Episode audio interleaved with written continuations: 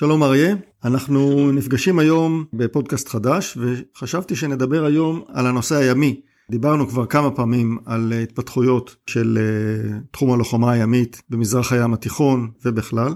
לאחרונה אנחנו שומעים על הצטיידות של ציים באזור בספינות אה, קרב מסוגים שונים. אנחנו שומעים על הצטיידות אה, של הצי הטורקי, הצטיידות נאה מאוד של הצי היווני, התחמשות של הצי המצרי בספינות אה, מתוצרת אה, צרפת, אה, איטליה וגרמניה, וכמובן קרוב יותר לליבנו התעצמות של הצי הישראלי עם ארבע ספינות סער 6 ודור חדש של ספינות טילים שיחליף את הסער מהדור הקיים, כך שהולך להיות שמח במזרח אגן הים התיכון. מחד ציים רבים שמצטיידים ומאידך אף אחד מהציים האלה הוא לא אויב של השני, לפחות ברמה שלנו. הצי הטורקי והיווני עוינים זה את זה, אבל הם לא לוחמים ממש. אנחנו והמצרים עכשיו אה, בסך הכל ביחסים טובים עד טובים מאוד, והציים הזרים שיכולים להיות מעורבים בזירה שלנו די מרוחקים.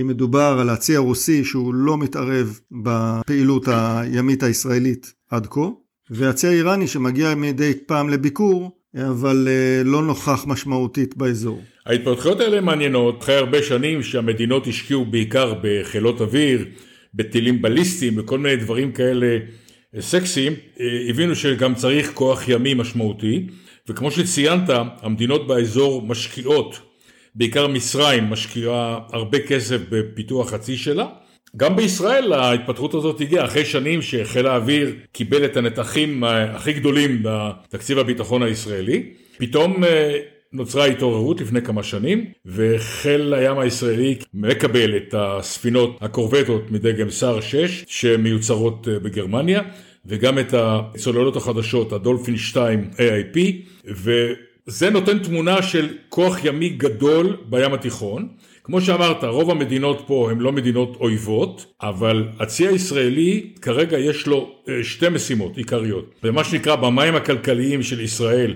בטווח של 100-200 מעל מהחוף, מה שנקרא אזור המים הכלכליים של ישראל, הצי הישראלי, המטרה העיקרית שלו כרגע זה להגן על אסדות הקידוח של הגז, שהחיזבאללה שם אותם כמעט בראש סדר העדיפות במטרות פוטנציאליות לתקיפה.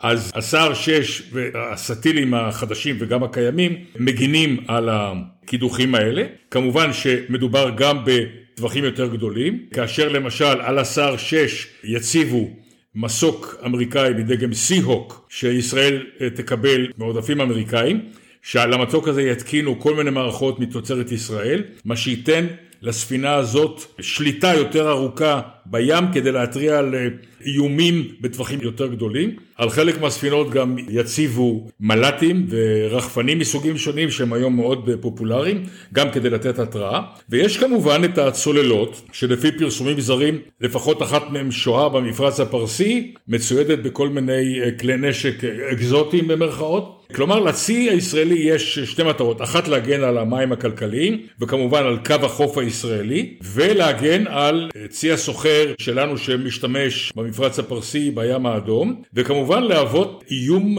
פוטנציאלי לאיראן שבמקרה שהיא תנסה לעשות משהו טיפשי אנחנו נוכל להגיב מהר ובכוח. מדובר באמת בתמונה יחסית בהירה וורודה של ציים שמסתדרים אחד עם השני, חיים זה לצד זה, שומרים על אינטרסים כלכליים שבחלק מהם המדינות מעורבות בבריתות, אבל הנכסים האלה שנמצאים בלב ים, פלטפורמות קידוח, שאיבה של גז, הם מטרות מאוד מאוד רגישות ופורצות לגורמים עוינים, זה יכול להיות ארגוני טרור, זה יכול להיות חיזבאללה, זה יכול להיות חמאס או הג'יהאד האיסלאמי וזה יכול להיות איראן. נכון שלארגונים האלה אין ציים שיכולים להתמודד עם הצי הישראלי או הצי המצרי או הצי היווני וכדומה, אבל אנחנו כבר ראינו שהזרוע הימית של החמאס הצטיידה בשנה שעברה בכלי שיט צוללים תת-מימיים שיכולים לאיים על מתקנים כאלה בצורה שקשה מאוד לגלות את הפעילות הזאת. כלים כאלה יכולים להיות משוגרים מטווח של עשרות קילומטרים ולעשות את הדרך בחשאי תחת לפני המים, קשה מאוד לגלות אותם ולתקוף אה, מתקן סטטי. כמו טורפדו, או שאפשר לשגר אותם מספינות, סוחר או ספינות מטען. קשה מאוד לזהות כזה איום, ולכן צריך להגדיר אה, אזורים מוגנים בתוך הים, שבהם אנחנו יכולים לשלוט גם בתווך העל-מימי וגם בתווך התת-מימי. עכשיו, בתווך העל-מימי יש את הספינות שמפטרלות, אה, ישראל רכשה את ה...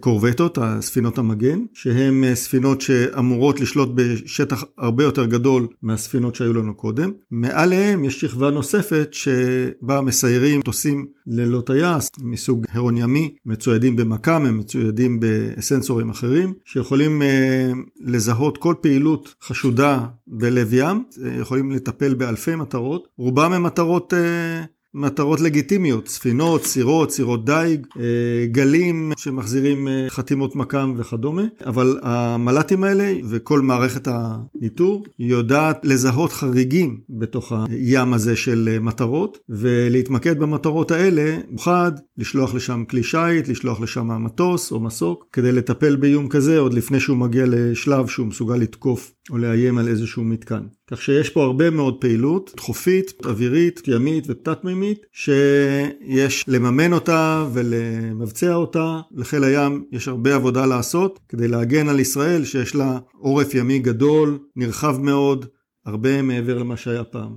כן, נכון, אה, אה, הים מקבל היום אה, משמעות גדולה, גם הים התיכון, גם ימים יותר רחוקים שבהם יש פעילויות שונות ואויבים אחרים. ועל התווך התת-ימי, שגם הוא חשוב, נדבר באחד מהפודקאסטים הבאים שלנו. תודה תמיר ונתראה בקרוב. נתראות אריה.